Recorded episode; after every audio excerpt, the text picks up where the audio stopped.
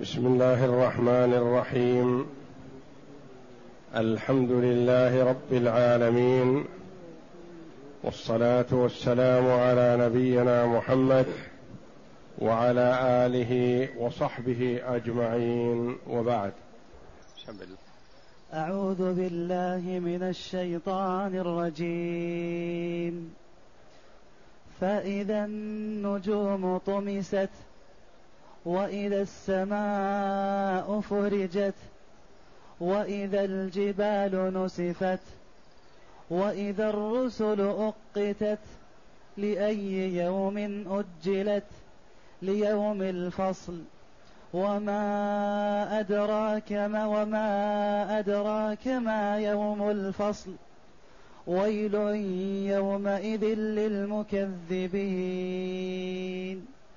هذه الآيات الكريمة من سورة المرسلات تلي فاتحة السورة في قوله تعالى والمرسلات عرفا فالعاصفات عصفا والناشرات نشرا فالفارقات فرقا فالملقيات ذكرا عذرا أو نذرا إنما توعدون لواقع فإذا النجوم طمست وإذا السماء فرجت الآيات. وتقدم أن قلنا إنما توعدون لواقع هذا هو المقسم عليه ويسمى جواب القسم. فالله جل وعلا أقسم بالمرسلات وما عطف عليها بأن ما توعدون لواقع ما توعدون من البعث والنشور والجزاء والحساب والجنة والنار أنه واقع لا محالة وأن ما أخبركم به محمد صلى الله عليه وسلم حق لا شك فيه. وتقدم أن قلنا أن الله جل وعلا يقسم بما شاء من خلقه.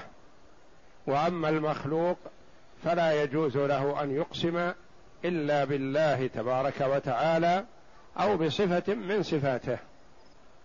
لأن المخلوق لا يصح أن يعطي منتهى التعظيم إلا من يستحقه وهو الله تبارك وتعالى.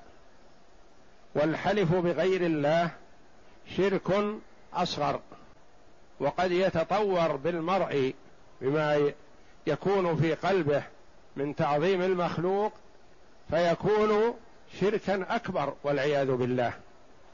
مخرج من الملة. إذا كان في قلبه تعظيم المخلوق أكثر أو مثل تعظيمه لله تبارك وتعالى فذلك والعياذ بالله شرك أكبر. والغالب على أن من يعظم المخلوق يعظمه أكثر من تعظيم الله تبارك وتعالى. فالكثير منهم إذا طلب منه أن يحلف بالله يحلف بالله ولا يبالي صادقا كان أو كاذبا والعياذ بالله. فإذا طلب منه أن يحلف بمن يسوده ويعظمه أو يعبده من دون الله امتنع. ولا يحلف إلا إذا كان متيقنا صدقه. وهذا والعياذ بالله قد وقر في قلبه تعظيم المخلوق أكثر من تعظيمه لله تبارك وتعالى. فيكون بهذا والعياذ بالله خارجا عن ملة الإسلام. والله جل وعلا يقسم بما شاء من خلقه للفت نظر العباد إلى عظمة هذه المخلوقات والخالق لها أعظم وأجل تبارك وتعالى. إنما توعدون لواقع. كأن سائل قال يا رب متى ذلك؟ فقال تبارك وتعالى فإذا النجوم طمست. يقع هذا الذي توعدون يوم القيامة. ما هي علامة يوم القيامة ومبدأه؟ قال فإذا النجوم طمست وقع هذا الأمر. فإذا النجوم طمست ومعنى طمس الشيء محيا يقول علي رضي الله عنه لأبي الهيجاء ألا أبعثك على ما بعثني عليه رسول الله صلى الله عليه وسلم ألا تدع صورة إلا طمستها ولا قبرا مشرفا إلا سويته. فالنبي صلى الله عليه وسلم أمر عليا رضي الله عنه ألا يدع صورة إلا طمسها وأن لا يدع قبرا مشرف يعني مرتفع إلا سواه. وعلي رضي الله عنه كلف أبا الهيجا بما كلفه به رسول الله صلى الله عليه وسلم. فإذا النجوم طمست أي محيت محي نورها. وإذا السماء فرجت صار فيها فروج وتشقق وصارت واهية. كما قال الله جل وعلا وفتحت السماء فكانت أبوابا. وإذا الجبال نسفت نسف الشيء إزالته وهدمه وتسويته بالأرض. فالله جل وعلا قبيل يوم القيامة يأمر بنسف الجبال فتتساوى مع الأرض وتكون الأرض كما قال تعالى قاعا صفصفا لا ترى فيها عوجا ولا أمتا. لا ارتفاع ولا انخفاض. فالجبال الشاهقة هذه مع المنخفضات المتدنية النازلة يسويها الأرض يسويها الله جل وعلا فتكون كالراحة. تكون الأرض كالراحة قاعا صفصفا لا ترى فيها عوجا ولا أمتا لحشر الناس واجتماعهم عليها. وكما قال الله جل وعلا وبست الجبال بسا يعني سويت. أو كانت هباء ثم لزقت بالاراضي المنخفضة واستوت معها سواء. وإذا الجبال نسفت وإذا الرسل أقتت. إذا الرسل أقتت. الرسل جمع رسول. والرسول هو رجل أوحي إليه بشرع وأمر بتبليغه. والرسول له أمة ومكلف بالبلاغ. بخلاف النبي فالنبي أوحي إليه بشرع ولم يؤمر بتبليغه. على اختلاف بين العلماء رحمهم الله في الفرق بين الرسول والنبي. فالرسول أمر بالبلاغ والدعوة والنبي أوحي إليه بشرع ولم يؤمر بتبليغه. والأنبياء كثر والرسل دون ذلك. الرسل كما ورد أنهم بقدر أهل بدر ثلاثمائة وبضعة عشر. وأما الأنبياء فهم كثير. فكل رسول نبي وليس كل نبي رسول فيوجد أنبياء وليسوا برسل كما قال المفسرون مثل آدم عليه السلام نبي وليس برسول. وكل رسول نبي لأنه إذا أرسل فقد نبئ قبل ذلك. وإذا الرسل أقتت الرسل أقتت جعل لها وقت للحضور للشهادة على أممهم بالبلاغ. فيسأل تسأل الأمة هل بلغكم رسولكم؟ فينكرون. ويسأل الرسول فيقول بلغت.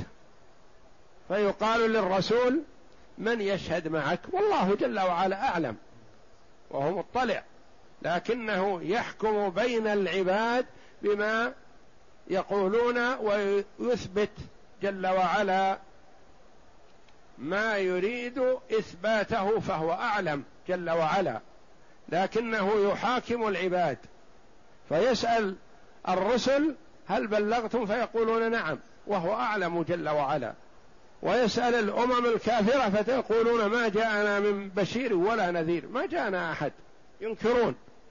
فيقال للرسول من يشهد معك؟ فيقول محمد وأمته. فيؤتى بهذه الأمة تشهد على بلاغ الرسل لأممهم. فيقال لهم كيف تشهدون وقد جئتم بعدهم ولم تدركوهم. فتقول هذه الأمة بلغنا نبينا محمد صلى الله عليه وسلم بأن الرسل كلهم بلغوا أممهم البلاغ المبين. صلوات الله وسلامه عليهم أجمعين.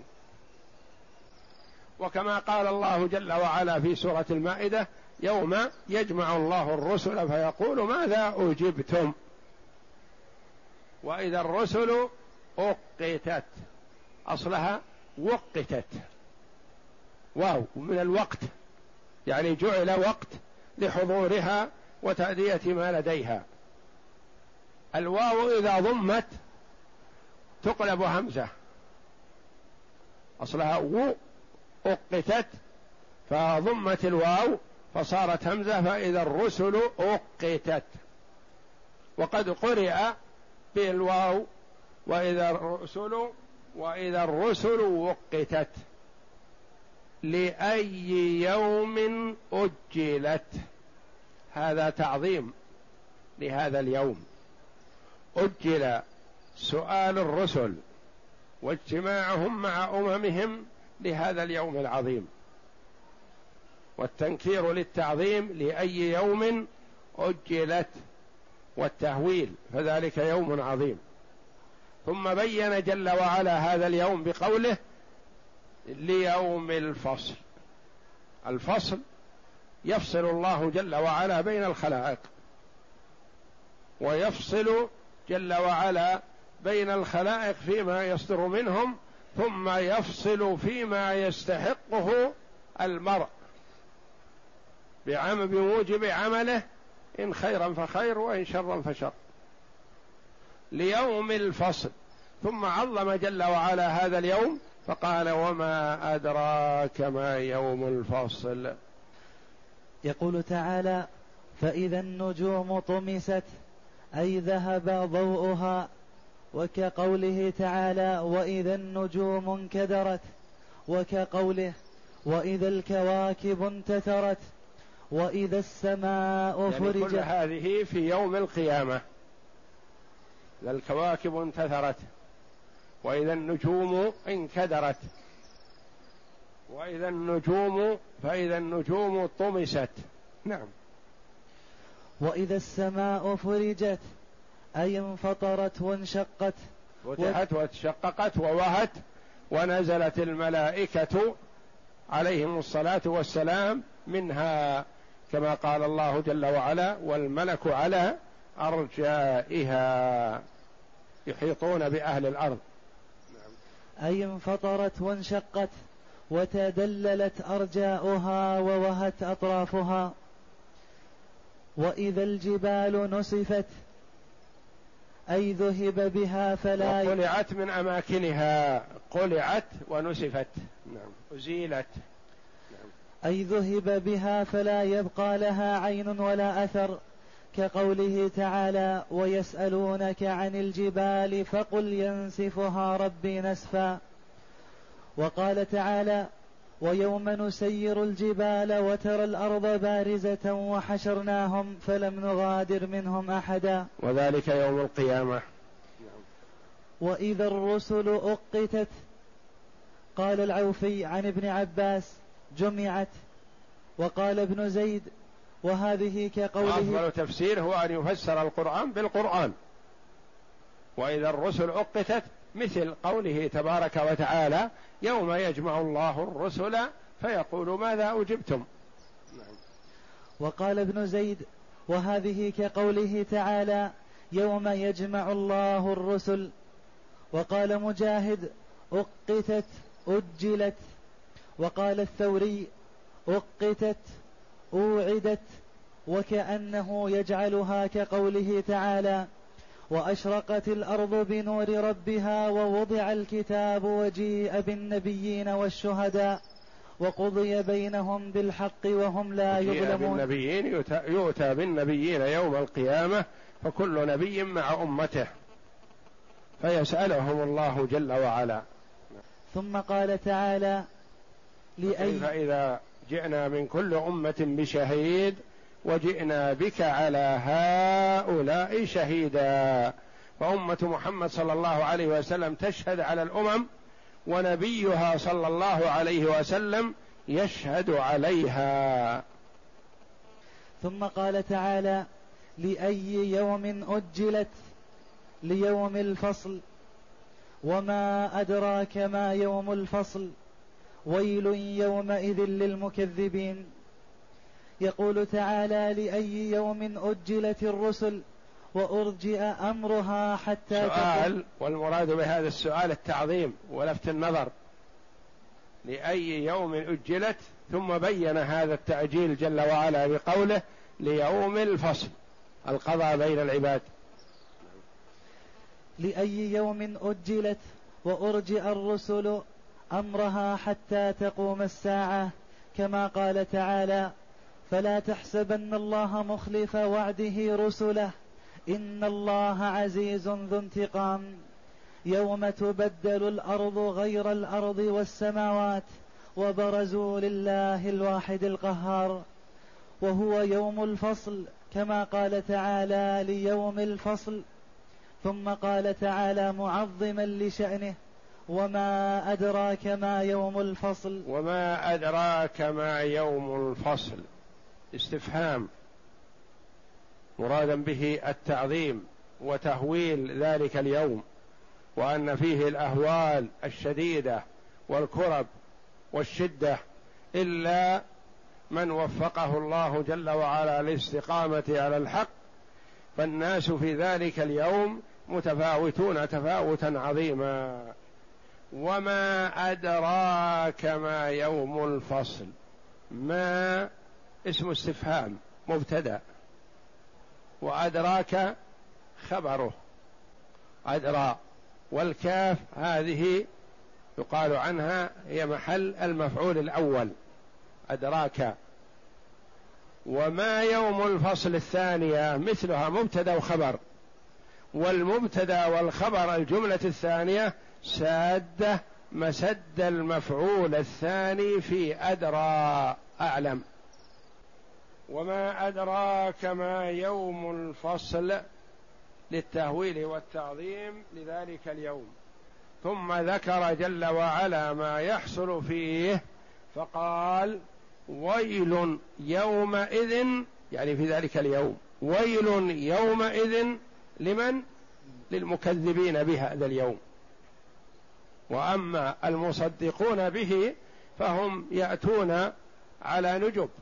وعلى راكبون يحشرون آمنون تتلقاهم الملائكة وتبشرهم بالأمن. كما قال الله جل وعلا إن الذين قالوا ربنا الله ثم استقاموا تتنزل عليهم الملائكة ألا تخافوا ولا تحزنوا وأبشروا بالجنة التي كنتم توعدون. فالهول والفزع والكرب والشدة لمن كفر بذلك اليوم. وأما من آمن به واتقى الله جل وعلا وعمل بطاعته فكما قال الله جل وعلا إن الذين قالوا ربنا الله ثم استقاموا تتنزل عليهم الملائكة. قال المفسرون رحمهم الله تتنزل عليهم الملائكة في ثلاثة مواطن من أشد المواطن التي تمر بالعبد. الموطن الأول عند الاحتضار. يبشر وتأتيه ملائكة الرحمة فيستبشر ويستنير وجهه ويفرح ويسر إلا أنه لا يستطيع أن يقول شيئا. الموطن الثاني في القبر تأتيه الملائكة في قبره فتؤنسه وتبشره وتفتح له بابا إلى الجنة. الموطن الثاني الثالث عند القيام من القبور. تتلقاهم الملائكة وتبشرهم. هذه المواطن الثلاثة أشد وأصعب المواطن فالله جل وعلا يرسل الملائكة إلى المؤمنين المستقيمين على طاعته تبشرهم بالأمن والأمان وأنه لا خوف عليهم ولا هم يحزنون. لا يخافون مما أمامهم ولا يحزنون على ما خلفوا وراءهم. وأما المكذبون فقال الله جل وعلا ويل يومئذ للمكذبين. ويل مبتدأ وويل نكرة. وسوغ الابتداء بالنكرة هنا لأنه في مجال الدعاء. في مجال الدعاء. كما تقول مثلا سلام عليكم. سلام مبتدأ. وعليكم جار ومجرور متعلق محذوف خبر.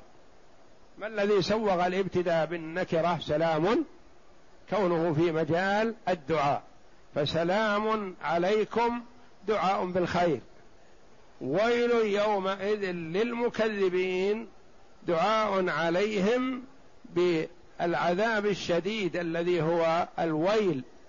وويل كما جاء في الحديث واد في جهنم لو سيرت فيه جبال الدنيا لذابت من شدة حره. وقيل هو مستنقع في نار جهنم يجتمع فيه صديد أهل النار. ويعذب فيه ويوضع فيه من أراد الله تعذيبه أكثر. والناس يتفاوتون في النار بالعذاب. فهم متفاوتون بحسب جرمهم وعذابهم. وويل يومئذ للمكذبين هذه كررت في هذه السورة الكريمة عشر مرات.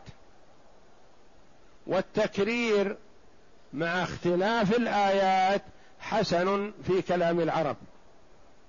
وتكرير العذاب والويل هذا أنه يتكرر على المرء بحسب إجرامه. فقد يكون المجرم يستحق الويل مرة واحدة أو مرتين أو ثلاث أو أربع بحسب ما يصدر منه من الإجرام. فلكل جريمة من الجرائم يستحق ويل. والناس يتفاوتون في هذا العذاب وفي هذا الويل. منهم من يستحقه مضاعف بحسب جرائمه ومنهم من يستحقه أقل من ذلك فتكون جرائمه أقل من الآخر. يقول سوغ الابتداع به كونه دعاء ويجوز أن يقرأ وهو مبتدا ويجوز أن يقال ويلا لكنه ما ورد في القراءات. يعني يجوز لغة ولا يجوز قراءة لأن القراءة توقيفية. يقول التكرار في مقام الترغيب والترهيب مستحسن. لا سيما إذا تغيرت الآيات السابقة على المرات المتكررة كما هنا لأن كل جملة وآية ويل يومئذ للمكذبين جاءت بعد آية تختلف عن الآية التي قبلها والآية التي بعدها. وما أدراك ما يوم الفصل ويل يومئذ للمكذبين أي ويل لهم من عذاب الله غدا وقد قدمنا في الحديث أن الويل أن ويل واد في جهنم ولا يصح والله أعلم وصلى الله وسلم وبارك على عبد ورسول نبينا محمد وعلى آله وصحبه أجمعين